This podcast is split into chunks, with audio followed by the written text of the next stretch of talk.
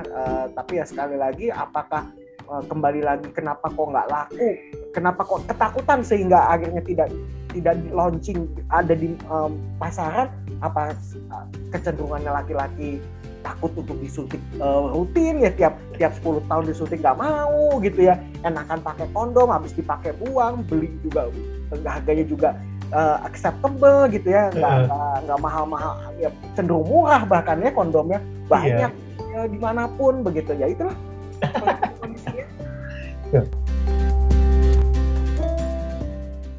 Selamat datang di Bicara Tabu podcast yang berbicara mengenai hal-hal yang tabu khususnya di dunia seksualitas dan juga cash pro. Kembali lagi bersama saya Musa Carlos yang kalau misalkan teman-teman sudah menjadi pendengar uh, bicara tabu di season season kedua ini mungkin udah sedikit kenal nih suara saya tapi mungkin yang baru uh, mendengar podcast tabu kembali. Sekali lagi perkenalkan nama saya Musa Carlos. Saya bisa biasa dipanggil Carlos. Saya hari ini akan memandu bukan memandu ya saya hari ini akan membawa kan sebuah episode yang uh, menarik khususnya di kalangan para pria. Karena kita tahu bersama pil KB topik yang kita bawa hari ini pil KB itu identiknya atau awamnya atau mungkin orang awam taunya untuk perempuan tetapi ternyata ada sebuah penelitian bahkan banyak sih penelitian dari penelitian sampai artikel itu berbicara bahwa pil KB itu bisa juga loh untuk laki-laki maka kita hari ini akan bahas mengapa pil KB untuk laki-laki terdengar asing. Dan tentunya saya tidak bicara sendiri hari ini karena kalau saya bicara sendiri kan jatuhnya spekulasi ya, jatuhnya malah hoax gitu kan. Makanya kita hari ini bersama ahlinya kebetulan. Beliau adalah seorang dokter spesialis andrologi. Wah, mungkin uh, kalau pendengar tabu yang sudah mendengarkan episode bicara tabu dari awal dan mengikuti terus ya, mungkin sudah kenal dengan beliau. Tapi kalau yang baru mengikuti kami kembali, sekarang kita lagi ngobrol bersama Dr. Adi Santoso Maliki, SPAND. Selamat malam, dokter. Selamat malam. Assalamualaikum teman-teman semua. Waalaikumsalam Dokter Adi. Nah Dokter Adi ini mungkin buat teman-teman yang belum tahu, Dokter Adi ini sekarang sudah menjadi seorang spesialis andrologi, merupakan seorang lulusan Fakultas Kedokteran Erlangga Surabaya tahun 2013. Dan sekarang beliau sudah mengabdikan ilmu pengetahuannya sebagai seorang dosen juga di Fakultas Kedokteran Universitas Pajajaran Bandung. Bukan itu dokter? Ya, ya luar biasa. Dokter boleh ceritain dikit dong, uh, apa sih andrologi itu? Mungkin bagi seorang awam kan kayak sulit ya mengerti gitu dokter. Ya, jadi dokter spesialis andrologi adalah dokter yang menangani bidang um, masalah kesuburan dan terutama masalah kesuburan dan gangguan seksualitas uh, pria yang ah.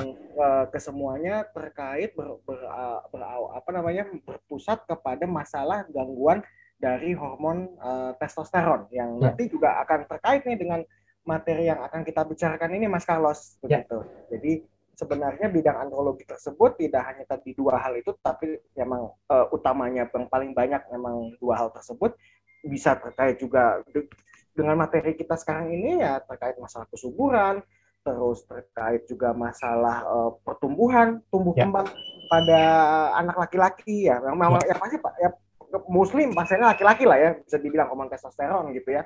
Terus juga ya uh, masalah uh, apa namanya uh, aging gitu ya masalah gangguan pen, uh, penuaan yang terkait ya masalah hormon gangguan hormon testosteron. Dan dan paling paling banyak ditangani itu laki-laki dokter? Laki -laki. atau perempuan juga? Uh, jarang sekali bisa dibilang laki-laki semua pasien saya. Ada hmm. sih beberapa kasus yang yang ditangani juga sama wanitanya kalau misalnya um, mohon maaf ya, ya. yang transgen, transgender ya yang ah. uh, dengan dengan kondisi tertentu dia ingin melakukan uh, terapi hormonal yang untuk melakukan perubahan um, apa uh, jenis kelamin begitu ya uh, tampilannya begitu seks sekunder atau misalnya uh, ada gangguan uh, wanita yang apa namanya um, gangguan uh, ambigus genitalia jadi tidak jelas uh, tumbuh kembangnya pada saat uh, lahir tidak jelas apakah dia wanita atau pria gitu ya, ya tapi memang hampir sebagian besar pasien saya adalah laki-laki. Dan kira-kira biasanya tuh yang dipermasalahkan sama ya. laki-laki ya. kebanyakan mengenai kesuburan itu apanya ya dokter? kesuburan ya gangguan spermanya ya tentu saja ya um, bisa. Tapi dari awal kita kita melihat kalau kalau kita bicara gangguan kesuburan ada tiga hal yang kita uh, perhatikan ya apa um, terkait masalah spermanya ya terutama apakah terjadi gangguan jadi kita pakai patokan organ pembentukan spermanya yaitu adalah testis ya apakah sebelum testis pada testisnya atau sesudah testisnya jadi kalau misalnya sebelum testis jadi kan uh, untuk merangsang kerja testis itu kan dibutuhkan hormon ya, ya. hormon um, apa yang kita sebut dengan hormon LH, FSH, apa gangguan di sana terus misalnya ada ada gangguan di testisnya sendiri begitu. Yang kedua adalah bagaimana uh, kerja um, bisa um, sperma itu bisa sampai pada organ target dalam hal ini adalah uh, organ reproduksi wanitanya. Nah itu um, misalnya ada gangguan seksual di sana, ada gangguan di dalam transport spermanya. Nah itu termasuk di dalam bidang andrologi untuk menanganinya. Waduh, karena dokter berbicara soal kesuburan laki-laki nih, kita ya. berarti sebagai seorang laki-laki ya wajib ya dok memeriksakan, hmm. memeriksakan kesuburan kita ya dok. Iya, eh, terutama kalau sudah satu tahun menikah dan belum mendapatkan keturunan. Ah. Ya, jadi kalau sudah satu menikah uh, dengan kita uh, pakai patokan kalau begitu usia wanitanya ya. Jadi uh, kalau nggak kita boleh menunggu sampai dengan satu tahun kalau sampai dengan wanitanya umur 35 tahun kan uh, pada prinsipnya uh, wanitanya kan ya yang yang akan hamil kan si spermanya kan mengikuti uh, si kondisi wanitanya. Kita nggak bisa menunggu sampai selama itu, kita hanya boleh menunggu sampai enam bulan. Kalau misalnya wanita di atas 35 tahun. Kenapa? Karena 35 tahun itu adalah batasan wanita masuk uh, usia resiko tinggi. Begitu. Kalau misalnya uh, apa masih di resiko kita anggap resikonya rendah, uh, kita boleh menunggu tadi yang saya bilang kalau satu tahun sudah melakukan hubungan seksual rutin, tidak menggunakan metode kontrasepsi apa pun, belum mendapatkan keturunan, uh, bisa dibilang wajib ya diperiksakan ya, ya, ya. gitu ya. Tidak hanya si wanitanya, si istrinya, tapi si uh, suaminya harus. Wah keren, ini sih jadi pengetahuan baru buat saya. Ya. Soalnya kan kita tahu karena di kalau apalagi di film-film gitu dokter ya, film-film ya. gitu kan laki-laki tuh sepertinya paling sulit untuk ngecek kesuburan gitu ya dokter ya. Dulu, uh, betul. Saya um, itu dulu cenderungnya seperti itu, tapi uh, dengan perjalanan waktu ya yang saya rasakan hingga saat ini kesadaran itu sudah mulai timbul di hmm. masyarakat. Hmm. Jadi um, apa sudah mulai timbul kesadaran sendiri pasien uh, datang uh, meriksakan begitu ya uh, kesuburannya para para suami walaupun um, banyak juga yang memang um, datangnya bukan ke saya dulu ke dokter kebidanan dulu oh. gitu. si istrinya dulu diperiksain tapi ternyata si istrinya kok bagus-bagus aja uh, tolong diperiksakan gimana si wan, si suaminya baru ketahuan deh ternyata masalahnya ada di laki-lakinya tapi makin ke sini yang saya rasakan kesadarannya sudah mulai uh, banyak di, di uh, masyarakat umum nggak mesti menunggu harus ke dokter kebidanan dulu dari awal pun mereka sudah tahu kayaknya saya harus periksa deh si suaminya. Langsung datang ke saya. Jadi bagi pendengar bicara tabu nih sobat-sobat tabu yang mungkin sekarang lagi ada pikiran nih buat yeah. mungkin mungkin kalau yang lagi mendengarkan seorang perempuan gitu ya terus kepikiran buat mau colek pasangannya cek kesuburan dong. Itu apa?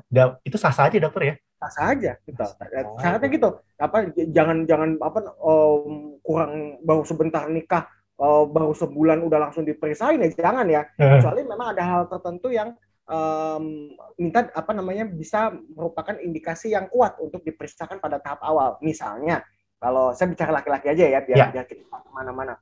Uh, ada masalah dulu pernah kecelakaan.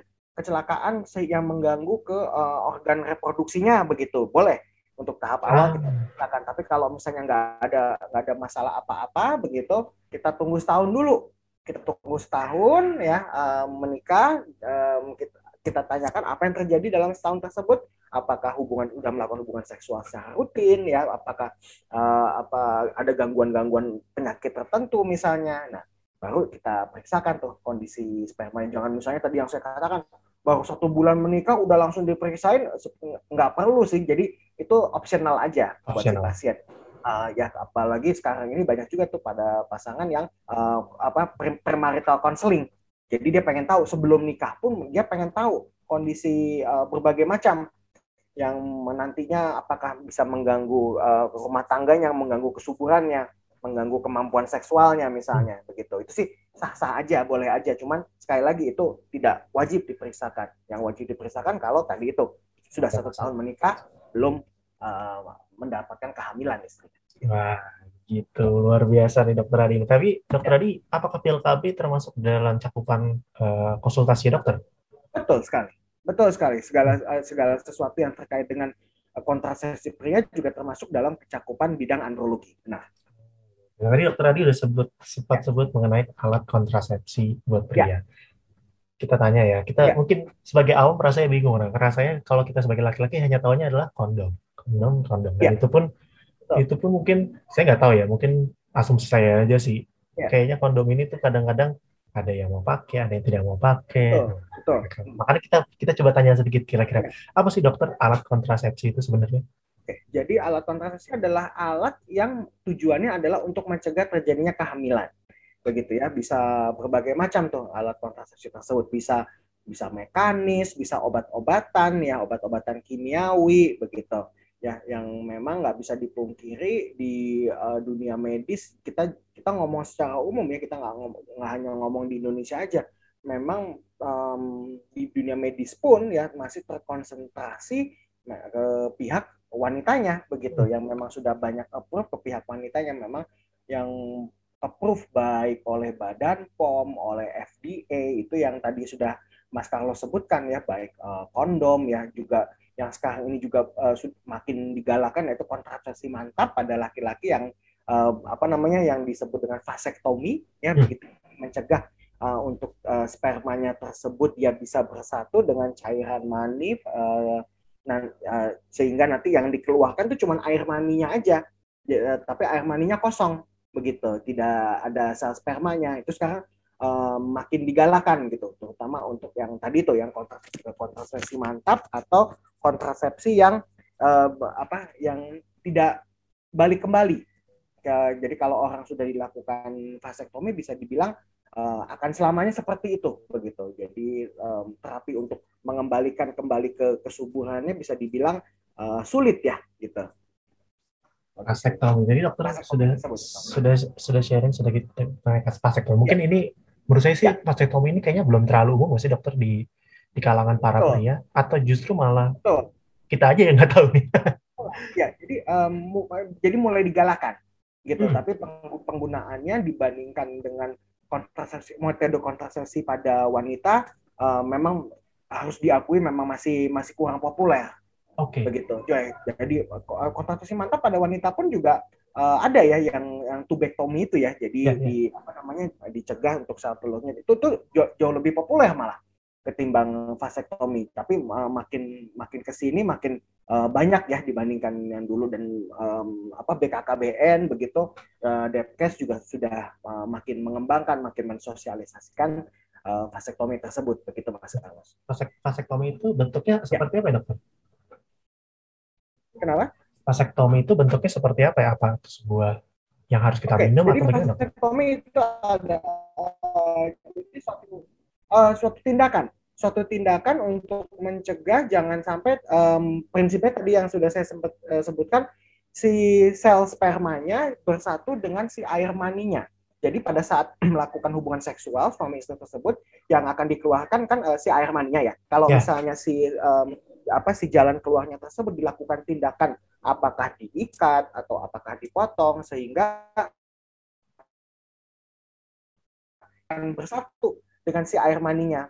Jadi bukan dalam arti bahwa pasien yang sudah melakukan tindakan vasektomi ketika terjadi ejakulasi pada saat melakukan hubungan suami istri tidak ada air maninya tidak akan tetap keluar air maninya. Cuman ketika di, uh, tidak akan terjadi kehamilan dan di, uh, dilakukan pemeriksaan lebih detail uh, si, si, apa si air maninya kosong tidak ada sel spermanya gitu itu yang diharapkan. Oh gitu. dan dan berarti kita sebagai para pria itu harus kalau kita mau menggunakan vasektomi harus berdasarkan saran ya. dokter gitu dong. Betul, betul, betul sekali. Jadi apa namanya um, harus dilakukan oleh tenaga kesehatan yang memang sudah kompeten untuk melaksanakannya. Oh. Begitu ya. Jadi uh, jadi yang memang paling banyak melakukan tadi yang sudah uh, apa sempat saya singgung spesialisasi urologi begitu cuman makin ke sini makin di, uh, disosialisasikan untuk spesialisasi lain ya seperti ke bidang andrologi atau bahkan ke dokter umum pun juga uh, pelatihan pelatihan juga sudah mulai banyak. Hmm. Terus kalau untuk bisa melakukan tindakan tersebut iya begitu tapi ya tapi tentu saja ya itu dia apa namanya tergantung um, interestnya juga dari si tenaga kesehatan ya kalau misalnya um, tindakan tersebut tidak banyak dilakukan ya apa tentu saja skillnya akan akan kurang dibandingkan yang sering banyak melakukan karena uh, nggak bisa dipungkiri itu merupakan bisa dibilang tindakan um, pembedahan walaupun mungkin pembedahan yang kecil gitu bahasa oh. awamnya. Eh, sakit nih dokter itu? ya pasien dibius ya. Dibius nggak akan nggak akan, gak akan begitu saja uh, dibiarkan apa namanya di dibelek begitu ya. Uh, apa namanya tidak akan dilakukan ya pastinya akan uh, terasa sakit tentu saja akan dilakukan tindakan pembiusan akan uh. di, uh, apa suntik baal dan lain lain gitu uh. sehingga tidak akan terasa apa-apa. Oh. Bahkan pada banyak, pada banyak pasien itu merupakan suatu yang uh, optional ya, yang memang nggak bisa dipungkiri ya pada pikiran awam seperti itu uh, takut, sakit dan lain-lain begitu sehingga mungkin itu salah satu yang uh, membuat ini tidak apa ya tidak kurang populer dibandingkan dengan tindakan tubektomi. Yeah. Ya, jadi sementara pada wanita kalau kontrasepsi mantap pada wanita tubektomi kan uh, banyak dilakukan pada tindakan um, se, apa berbarengan dengan tindakan uh, operasi sesar. Oh. Gitu. Jadi pada oh. saat operasi sesar ketika dinilai oleh si dokternya, oh ini sebaiknya uh, si apa ibu harus dilakukan tindakan uh, tubektomi dengan misalnya alasan sudah anaknya sudah banyak atau memang permintaan dari si pasien sendiri permintaan dari uh, keluarga pasien misalnya. Nah itu uh, tindakan tersebut dilakukan uh, pada saat um, apa um, operasi sesar, walaupun um, ada juga uh, dilakukan di luar tindakan operasi sesar begitu. Kan, dan salah satu hal juga yang mungkin bisa saya sampaikan di sini laki-laki dan wanita tuh beda ya. Kayak kayak terkesan dan, dan memang sudah terbukti sih. Wanita itu memang lebih top daripada laki-laki dalam hal menahan nyeri. Begitu ya. Jadi laki-laki betul itu itu sudah ada banyak bukti ilmiahnya.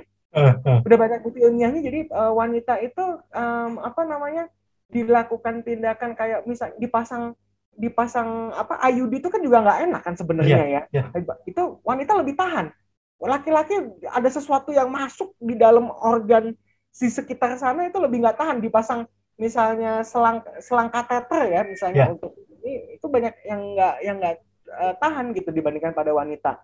Wanita tuh memang luar biasa sekali. Luar biasa. Dalam, dalam ini, terutama dalam tadi tuh menahan nyeri, oh, menahan nyeri, melahirkan bolak-balik, ya, sakit juga nggak masalah. Padahal kalau dilakukan penelitian banyak referensi yang mengatakan nyeri uh, melahirkan itu luar biasa ya sakitnya yeah. ya. Cuman uh, wanita tahan memang memang kodratnya seperti itu begitu. Jadi salah satu jadi itu mungkin salah satunya yang itu uh, kan memang uh, KB ini kan kesepakatan bersama ya, ya, ya. suami dan istri begitu ya. ya. Jadi um, culture-nya juga memang lebih kepada ini, uh, popularitasnya juga lebih kepada wanita, si wanitanya juga lebih lebih resisten terhadap uh, rasa tidak nyamannya tersebut sehingga lebih populer tindakan uh, pembedahan minor uh, untuk KB tersebut dibandingkan uh, pada laki-laki. Begitu mungkin. Luar biasa. Ini kayak saya akan selalu memberikan aplaus buat para wanita ya. Karena rasa betul, rasa sakit hebat sekali wanita. Hebat sekali. Iya. Tapi dokter, kalau untuk pil KB itu, ya. yang boleh menggunakannya itu siapa? Apakah si laki-laki dan perempuannya itu dua-duanya perlu menggunakan atau bagaimana dokter? Oke, jadi kita ngomong-ngomong pil KB nih, ya Mas. Ya. Oke, jadi pil KB kalau pada wanita tentu saja nggak nggak bisa sama ya kandungannya dengan laki-laki. Jadi kalau pil KB pada wanita sudah pada tahu. Jadi prinsipnya ada. Jadi prinsipnya pil KB itu adalah kebanyakan terkait sama hormon. Hmm. Jadi uh, kita mengganggu bagaimana keseimbangan kesetimbangan hormon pada uh, individu tersebut. Ya hormon-hormon reproduksi dalam hal ini ya yang nantinya efeknya akan mengganggu yang kita sebut dengan sel gamet ya. Kalau pada wanita sel gametnya adalah sel telur kalau pada laki-laki sel gametnya adalah sel sperma begitu. Kalau pada wanita tentu saja ya kebanyakan kalau hormon ya uh, yang isinya kandungannya progesteron ya estrogen seperti itu ya yang apa yang banyak digunakan pada wanita nggak bisa kalau pada laki-laki kalau pada laki-laki um, kaitannya kepada lebih kepada hormon testosteronnya begitu bisa macam-macam tadi yang sudah di um, apa disebutkan awal uh, pil ya. Uh, yang lain-lain bentuk lain juga ada tuh bentuk uh, apa namanya kayak koyo, kayak patch gitu ya. Oh. Suntik gitu ya. Jadi prinsipnya adalah um, yang mengandung hormon karena hormon testosteron yang uh, kita berikan pada si pasien tersebut ya yang kita sebut dengan testosteron dari luar atau testosteron eksogen itu bisa mengganggu sel sperma, pembentukan sel spermanya. Jadi um, testosteron yang dikasih dari luar apa pun bentuknya ya, mau bentuk pil, mau bentuk uh, suntik, ya mau bentuk koyo patch gitu ya, itu nanti akan terjadi apa yang disebut dengan feedback negatif feedback mechanism. Jadi mekanisme feedback negatif dari si hormon tersebut yang nantinya akan mengganggu pembentukan spermanya. Begitu. Nah, itu nah, tapi nah, tapi masalahnya um, sampai bagaimana kita bisa mendapatkan yang um, ef, apa namanya um, efikasinya sampai um, tinggi bahkan mendekati 100% begitu ya dari pasien-pasien uh, yang menggunakan um, apa metode tersebut. Nah, itu yang itu yang terus mendalam, mengalami penelitian, yang mengalami uh, uji begitu ya. Nah itu yang yang susahnya sehingga kenapa kok hingga saat ini um, banyak sih memang yang uh, sudah beredar di masyarakat begitu ya. Um, tadi itu ya terkait sama hormonal, tapi apakah banyak digunakan di masyarakat? Nah, itu yang sekali lagi um, kita kembalikan memang eh, apa efektivitasnya masih kepopulerannya masih kalah dibandingkan pada wanita sehingga um, kesannya di di apotik ya di dokter-dokter um, gitu itu jarang sekali um, kita dapatkan tuh kita tawarkan uh, eh, KB pria walaupun hmm. sebenarnya bisa uh, hmm. digunakan begitu. Berarti masih masih dalam penelitian yang lebih lanjut betul, terus ya dokter ya. Penelitiannya sebenarnya udah banyak, udah banyak hmm. banget. Ya seperti tadi yang sudah saya uh, singgung di awal, saya sempat terlibat tuh ke penelitian yang terkait hormonal ini, cuman bentuknya suntik. Mas kalau okay. jadi bentuknya suntik dilakukan di center di seluruh dunia yang kebetulan kalau di Indonesia salah satunya adalah di Jakarta di FKUI itu menggunakan testos, uh, testosteron dan progestin. Uh, uh, progestinnya menggunakan uh, DMPA gitu. Jadi kombinasi yang me, apa memberikan efek lebih uh, efektif uh, apa namanya efeknya lebih uh, lebih kuat lebih hebat ketimbang pemberian testosteron tunggal testosteron aja begitu tapi ya okay. uh, apa namanya sekali lagi uh, hingga saat ini kenapa kok ini tidak banyak digunakan di masyarakat tadi itu ya um, apa mungkin gak kalah ya, suatu perusahaan farmasi merilis suatu obat kan dia juga harus hitung-hitungan kan ya. Benar. Ya, bagaimana nih kita menggunakannya di masyarakat ini akan laku nggak metode ini begitu? Ya. Kita udah merilis uh, keluar duit banyak untuk um, apa namanya bagaimana memproduksinya dan lain-lain kalau ternyata kalah dibandingkan dengan uh, preparat uh, KB untuk wanita ya akhirnya mereka simpen dulu begitu mereka mereka mereka cari lagi metode lain yang kira-kira uh, apa namanya lebih lebih efisien untuk bisa digunakan. Begitu mas kawan hmm. ya kalau terkait hormon ya. Baik. Tadi dokter sempat mention mengenai uh, pil KB ya bentuknya suntik ya dokter ya? Ya. Itu tuh mekanismenya seperti apa dokter? Hormonal diganggu hormonnya. Jadi uh, feedback negatif feedback mekanisme. Jadi kalau okay. dikasih dari luar si hormon testosteron tersebut dia akan memberikan efek ne uh, feedback negatif ya. Jadi semua jadi prinsipnya begini semuanya itu kan diatur oleh otak Ya. Semua, semua itu semua uh, mekanisme untuk pembentukan hormon itu diatur oleh otak. Ya, kita kita uh, lebih uh, spesifikan ya kita bicara uh, hormon untuk uh, kesuburan ya. Okay. Diatur oleh otak, pertama di bagian dari otak yang disebut dengan hipotalamus. Hipotalamus akan memberikan perintah kepada bagian otak yang disebut dengan hipofisis. Nah, hipofisis tersebut akan memproduksi LH dan FSH akan merangsang uh, testis dalam hal ini untuk memproduksi hormon testosteron. Testosteronnya yang tadi yang saya sebutkan beda sama yang testosteron yang dikasih sama dari luar yang dalam bentuk pil, bentuk uh, bentuk suntik ya. Testosteron yang diproduksi sendiri oleh tubuh uh, apa kita sebut dengan testosteron endogen. Okay. Testosteron yang diproduksi oleh tubuh sendiri begitu. Nah, kalau itu nggak apa-apa. Ya, karena testosteron itu dia mempunyai peran banyak ya mulai dari ujung rambut sampai ujung kaki pada hmm. laki-laki. Hmm ya untuk uh, sifat seks sekunder ya um, timbul brewok uh, suaranya pecah, otot-ototnya lebih uh, kelihatan, mencegah osteoporosis begitu. Juga untuk memproduksi sperma, dia juga mempunyai peran di sana. Untuk fungsi seksual juga ada begitu ya.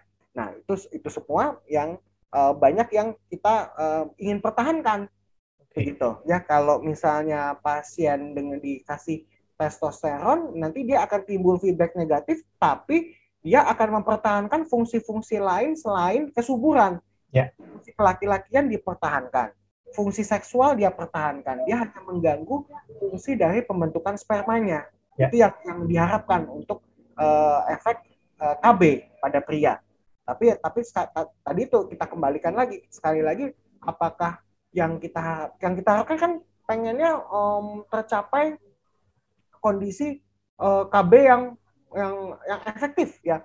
Cepat ya. Terus kemudian uh, bisa kembali lagi. Kalau misalnya dia stop bisa balik lagi uh, fungsi kesuburannya. Ya. uh, terus kemudian uh, harganya juga uh, bisa diterima. Terus um, metode pemberiannya juga uh, bisa diterima. Uh, tidak menimbulkan rasa tidak nyaman bagi si pasien begitu ya. Nah, itu yang yang penilaian-penilaian itu yang akhirnya menyebabkan eh, mohon maaf hingga saat ini eh, KB pria yang bentuknya hormonal apa pun itu ya, suntik, eh, kab, eh, pil itu kalah dibandingkan dengan yang pada wanita.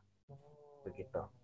Jadi banyak banget ya faktor yang menyebabkan banyak sekali, banyak sekali begitu. Iya.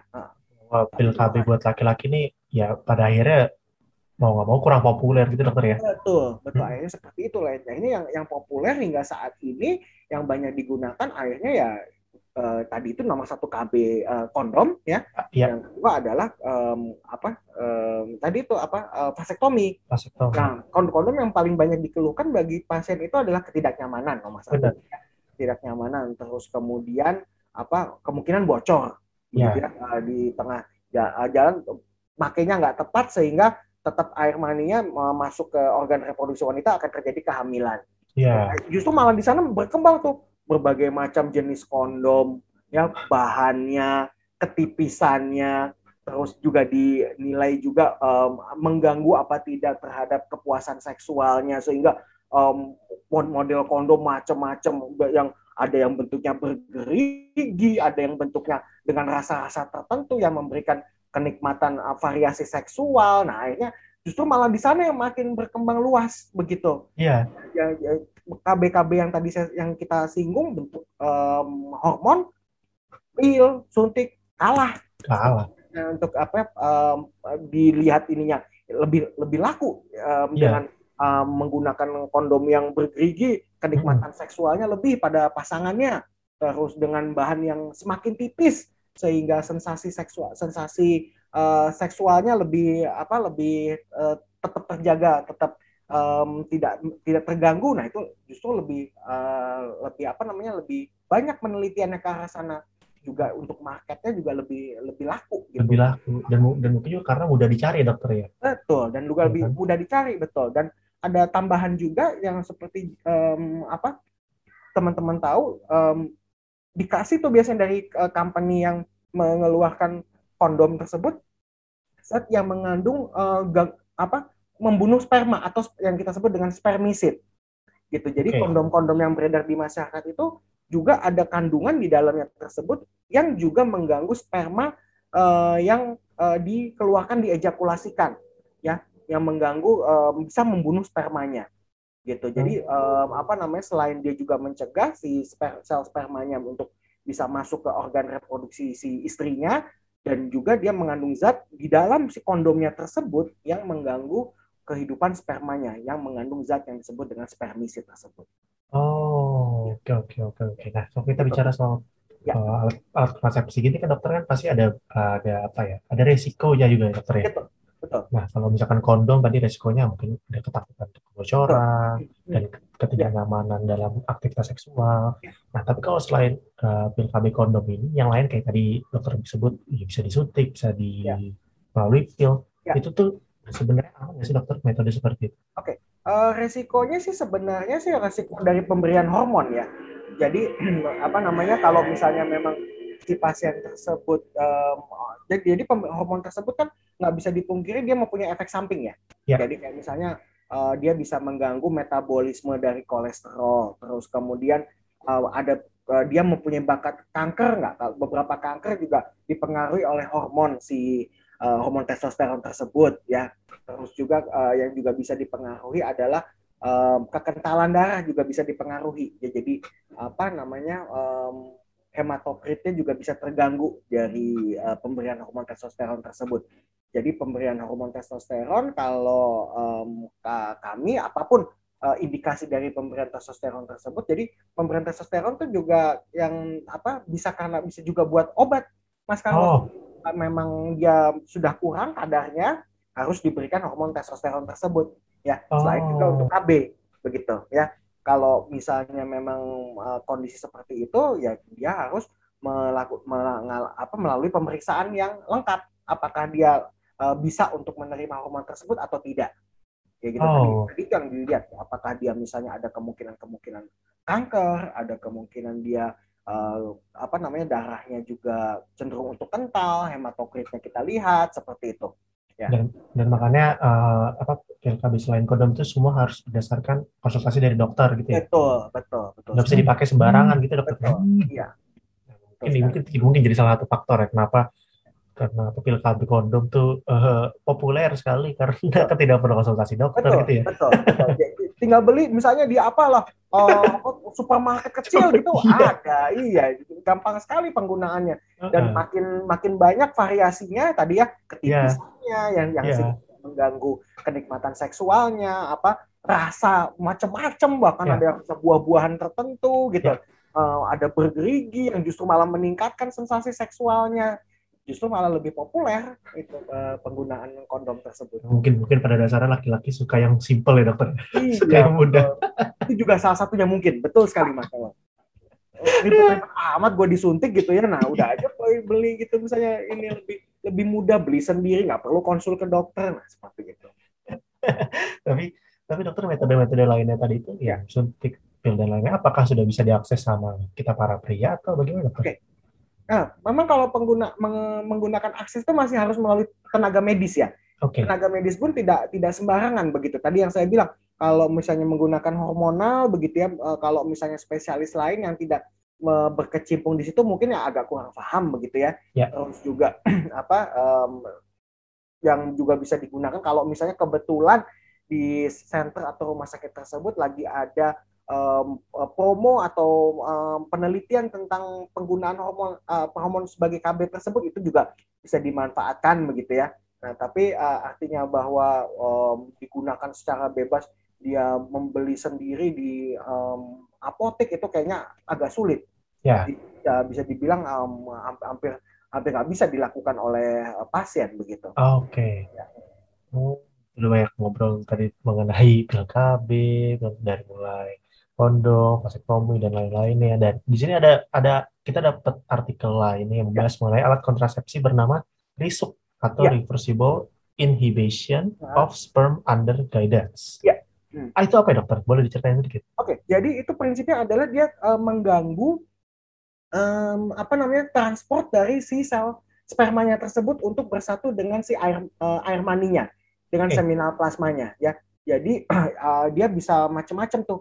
Dia uh, dia bentuknya kayak semacam zat yang menghambat ya. Dia bisa zat yang mengganggu uh, pH-nya okay. dari si uh, apa organ reproduksi laki-lakinya yang dia bisa mengganggu uh, apa namanya uh, kondisi ya parameter dari si spermanya begitu. Jadi kita uh, prinsipnya risuk itu jadi dilakukan uh, penyuntikan begitu ya suatu zat ke dalam saluran yang disebut dengan vas deferens tempat transport tempat jalannya si sel sperma untuk bersatu dengan si air maninya. Ah. Ya, nah, efeknya tadi tadi itu bisa dia tersumbat si, si ininya si spermanya nggak bisa ketemu nggak bisa bersatu dengan air maninya uh, dia juga bisa mengganggu pH di uh, salurannya tersebut sehingga dia bisa mengganggu kondisi si sel spermanya bisa mengganggu juga dari bentuk si spermanya jadi dia meningkatkan zat-zat yang menyebabkan gangguan parameter spermanya begitu Kalau Hmm. risuk sendiri tersebut penelitiannya banyak dilakukan di India. Oke. Ah, tapi tadi sekali lagi hingga akhirnya bisa di launching di market juga hingga sekarang em, apa juga nggak nggak kedengaran kabarnya lebih lanjut ya. Oke. Nah, jadi masih eh, sebatas pada studi-studi dan penelitian. Nah, Oh. jadi prinsipnya dia mengganggu sekali lagi mengganggu eh, transport si sel sperma untuk ke bersatu dengan air mani, diganggu si salurannya. Padahal ada metode lain untuk mengganggu juga yaitu ya si vasektomi itu. Jadi jadi diikat atau eh, dipotong si ininya. Jadi dipisahkan si Oh. Si defe- eh, si vas deferensnya si tempat jalan keluarnya si sperma tersebut begitu. Oh, jadi Cuma itu mengenai aja ya. Hmm. Dan ini ini Banyak. disuntikin aja si zatnya tersebut. ah ya ya ya. Lu emang sih kita seperti sepertinya laki-laki aja belum belum merasain menerima pil KB udah ngerasain Betul. ketakutannya dokter ya. Betul, betul. Ketakutannya lebih dominan. Em, penelitiannya sih eh, kalau si risuk ini dia mengatakan bisa cukup efektif ya, dia bisa sampai bisa sampai 10 tahunan bahkan eh, Oh. efektivitas ininya. Em, tapi masih bisa balik lagi. Ja- Jadi dikatakan bahwa si zatnya tersebut dia lama-lama dia bisa bisa kebuka lagi tuh tadi yang disumbat si eh, apa namanya si fast deference-nya itu dengan dengan Oh. metode risuk tadi ya eh, tapi ya sekali lagi apakah eh, kembali lagi kenapa kok nggak laku kenapa kok ketakutan sehingga akhirnya tidak tidak di launching ada di em, pasaran apa eh, kecenderungannya laki-laki takut untuk disuntik eh, rutin ya tiap tiap 10 tahun disuntik nggak mau gitu ya. Enakan pakai kondom habis dipakai buang beli juga harganya juga eh, acceptable gitu ya. Nggak nggak mahal-mahal ya cenderung murah bahkan ya kondomnya. Banyak eh, di mana pun begitu. Ya itulah kondisinya Ya, lalu dokter kalau si metode risuk mungkin dan nggak Ya. cuma risuk sih, metode yang menggunakan suntik atau Ya. itu, itu kira-kira bakal mengganggu eh, kenikmatan dalam seks itu nggak sih dokter? ya kalau ya? metode ah, kalau metode tersebut ya apa namanya sebe- tidak mengganggu ya Eh, yang yang mengganggu mungkin pada saat metode itu diaplikasikan di- pada saat disuntikinnya itu Hmm. gitu iya jadi pas disuntik ke si vas- eh, si salurannya si vas deferensnya atau pas misalnya ya metode lain yang disuntikan si hormon eh, testosteronnya dengan si progresinya mungkin lebih mengganggu itunya sampai dia mengganggu fungsi seksualnya sih eh, enggak ya Oh. Oke, dokter, sorry ini mungkin pertanyaan awam banget ya dokter. ya. hmm. Itu kira-kira kalau kita laki-laki ambil ke KB tadi ya, misalkan Hmm. stomi, dan lain-lain ya, Ya. itu sperma kita masih bisa keluar nggak sih dokter? diharapkan enggak Dia, Oh, diharapkan gitu. enggak diharapkan eh, kondisi tercapai kondisi azoospermia bahkan spermanya Oh. enggak ada begitu Oh, em, saya coba luruskan, saya ingetin lagi Mas Karosnya. Em, jadi yang putih-putih itu ya eh, sperma yang sebenarnya itu adalah air mani. Jadi biar nggak bingung, kalau oh, sperma itu sebenarnya itu adalah sel spermatozoa. Itu yang Oke. ada di dalam si air maninya tersebut. oke. Kadang-kadang kadang-kadang yang tadi itu ya eh, si eh, orang awam oh spermanya bagaimana? Yang si air, yang air putih kental-kental itu yang pada saat eh, ejakulasi keluar. Padahal sebenarnya itu ad- adalah air eh, apa, sekali lagi air mani yang di dalamnya Oh. kandungannya adalah sperma atau sel sperma atau spermatozoa. Begitu. Oh. Kadang-kadang memang memang suka apa ya suka suka suka ngebingungin gitu. Iya, suka, benar, suka kacau. Jadi sebenarnya tadi itu ya saya ini kan. Jadi kalau misalnya apakah masih keluar masih ya yang keluar apa air mani ya ya apakah ada sel spermanya yang diharapkan justru malah nggak ada kosong Begitu. yang diharapkan adalah kosong. Sebab kenapa secara prinsip adalah selama sel eh, spermanya itu masih ada di air maninya, kemungkinan si laki-laki masih mungkin untuk bisa membuahi si wanitanya. Tinggal kita bicara persentase, persentasenya besar apa eh, kecil kan ada ada apa standar tertentu ya Oke. yang kita gunakan yang sekarang ini tahun 2021 keluar lagi standar terbaru cuman yang uh, masih pal masih banyak digunakan itu WHO tahun 2010 ya itu Oke. um, apa sel spermanya um, apa jumlahnya 15 juta per cc terus gerakannya yang cepat yang progresif 32 persen Ya. untuk yang bagusnya 4 persen seperti itu ya kalau misalnya kurang dari itu apakah masih mungkin membuahi masih Oh, oke. masih mungkin membuahi kan cuma dibutuhin satu sperma aja untuk membuahi sel telur Ya. ya gitu Ya. tapi probabilitasnya kalau dia um, apa digunakan um, apa standar itu tercapai ya itu sebenarnya cuma hanya lima persen aja lima okay. persen dari keseluruhan dia membutuhkan yang lebih banyak lagi sebenarnya tapi itu di, uh, digunakan standar minimal okay. yang yang bisa uh, membuahi secara alamiah begitu tapi kurang okay. dari itu kemungkinan membuahinya masih tetap ada selama sperma masih ditemukan di air maninya sehingga sebenarnya yang diharapkan dari KB apa pun bentuknya tidak tidak ketemu atau tidak adanya si sel sperma yang ada di dalam uh, apa organ reproduksi si pasangan uh, partner seksualnya istrinya oh. atau ya kalau misalnya dia melakukan dengan orang lain nggak tahu lah ya gitu ya. Iya iya iya. dia menggunakan metode tadi itu ya, ya uh, kita tahan ya jadi cuma keluar air maninya doang tapi kosong air maninya uh -uh. atau air maninya yang mengandung sel sperma tidak tidak masuk ke dalam organ reproduksi si wanitanya menggunakan kondom dan lain-lain seperti itu.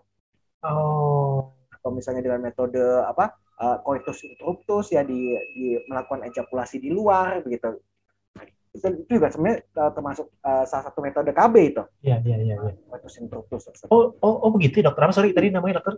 Coitus interruptus. Jadi uh, eh, apa melakukan hubungan seksualnya di, di, di, di interrupt. Oke. Okay. Jadi apa jadi dilakukan apa namanya uh, di, di diganggu begitulah. Ya, ya.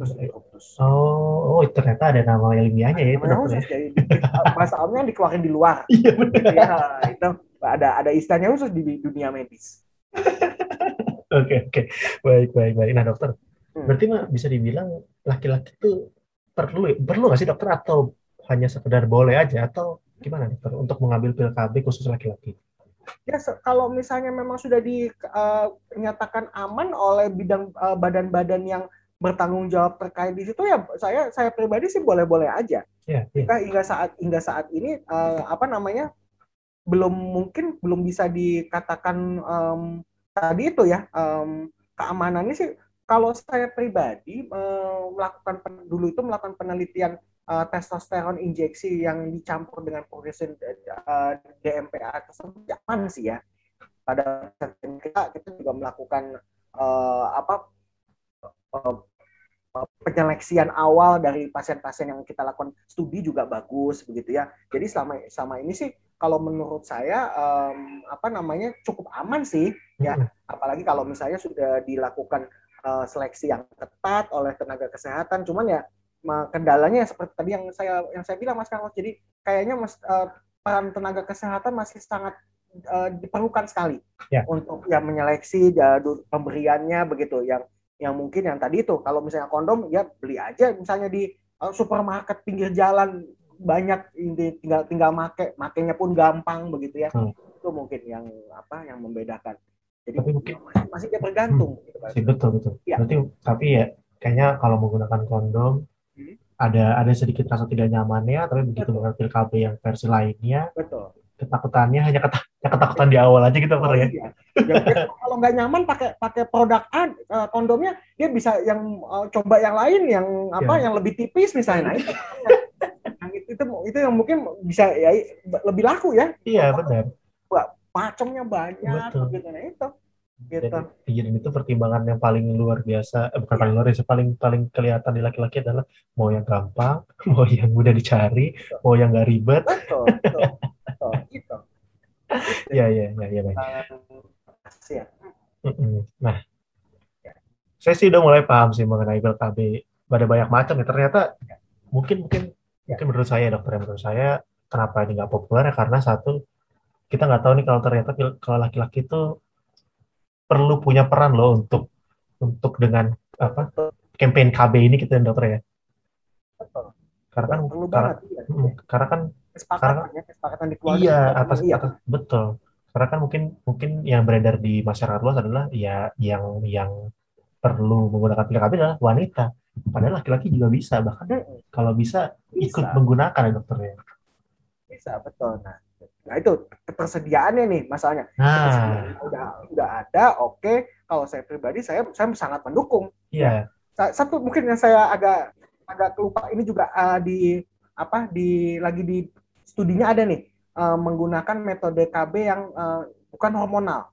ya yang juga banyak di uh, ya juga ada studinya yang mungkin pernah dengar Mas Carlos menggunakan preparat uh, Gendarusa um, pernah dengar belum nggak nggak pernah Mas belum pernah jadi Gendarusa ini um, banyak digunakan um, pada masyarakat Papua sebenarnya awalnya okay. gitu okay. jadi dia uh, tanaman ya ya digunakan untuk KB pria dia itu efeknya dia mengganggu pada saat si spermanya tersebut mau ketemu dengan si sel telur. Pada saat uh, mau ketemu dengan sel telur itu kan dia harus ketemu ya bagian kepalanya tersebut. Okay. Ya uh, mengalami reaksi akrosom namanya. Nah, itu itu itu yang diganggu okay. gitu. Jadi, spermanya tetap masuk uh, ke organ reproduksi wanitanya. Cuman pada saat uh, uh, mau terjadi proses fertilisasi, mau menyatu sisa sisa sperma dengan sel telurnya diganggu oleh uh, zat yang terkandung di uh, obat Gendarusa ini. Begitu oh. banyak.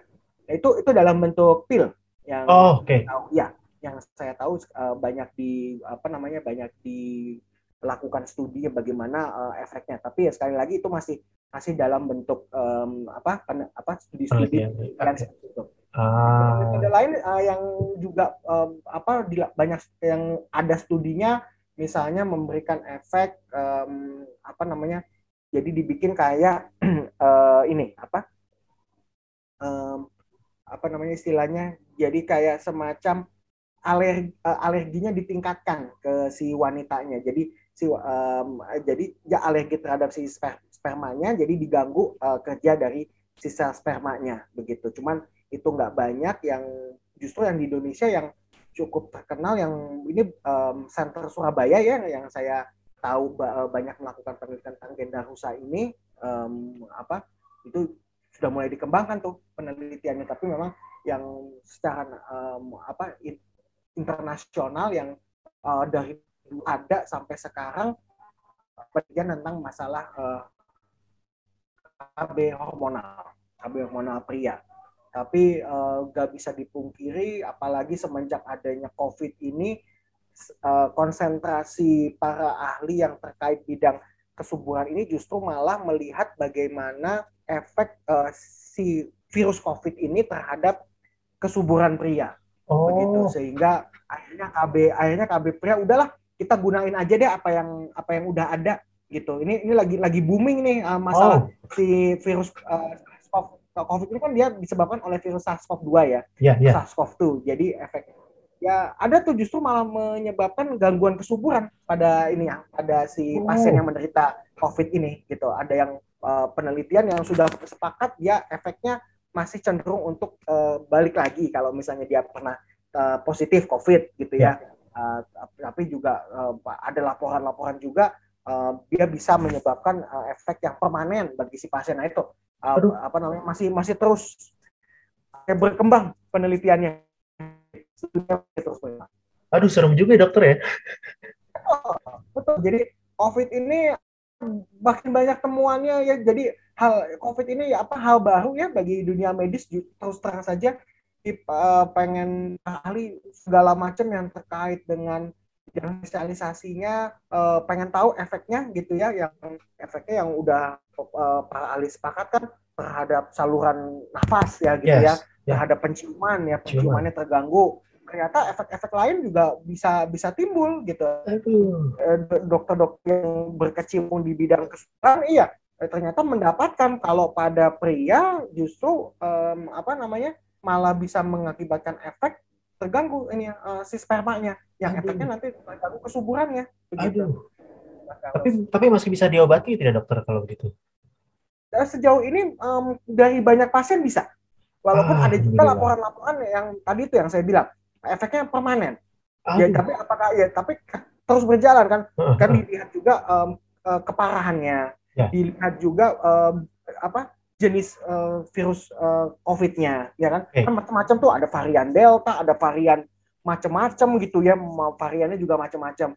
Terus uh, populasinya, populasi uh, si pasiennya, apakah berbeda efeknya kena populasi Asia, kena populasi orang Eropa, kena populasi orang Afrika. Nah itu yang yang penelitiannya tuh masih terus berlanjut sementara kehidupan terus berjalan. Uh -uh. Gitu ya. Nah makanya penelitian berjalan oke, okay, kita um, laporan-laporan penelitian terus uh, berlanjut, um, kita terapi apa yang bisa dengan dengan adanya teknologi uh, bayi tabung saat ini ya, yeah. fertilization, kan kita cukup perlu satu sperma aja untuk bisa uh, mendapatkan uh, kehamilan. kehamilan. Jadi, uh, jadi um, itu bisa dibilang menolong menolong sekali itu tadi itu kalau sulit untuk mendapatkan kehamilan secara spontan ya karena hmm. kehamilan secara spontan tadi itu spermanya kan harus beberapa ekor ya nggak mungkin ya. cuma satu aja ya. tapi dengan adanya teknologi uh, bayi tabung saat ini sperma satu aja bisa membuahi si istrinya. Begitu mas Kawan. Nah, jadi luar biasa masih masih berjalan semuanya ah, iya ah, ah. Iya oh, jadi ke mana-mana, mohon maaf, mohon maaf teman-teman kita jadi ke mana-mana nih ngomongnya nih. Tapi gak apa-apa dokter ini justru malah jadi pengetahuan ya. buat sobat tahu semua nih karena ternyata ketakutan ya. mengenai COVID apalagi ya ketakutan mengenai COVID ternyata hmm. ada efeknya ke kesuburan ya dokter ya. Betul, ada ada banget, ada banget. Dan kalau misalkan teman-teman sobat tabu yang pernah positif nih dan sekarang ya mudah-mudahan sih nggak terjadi sama sobat tabu semua ya mudah-mudahan tidak. Tapi baiklah, eh, baiknya boleh dicek gitu ya, dokter ya ke spesialis andrologi gitu ya. Uh, Betul, dicek. Nah, apalagi kalau misalnya tadi itu uh, sudah satu tahun menikah ya Mas Carlosnya belum terjadi kehamilan, nggak ada salahnya tuh.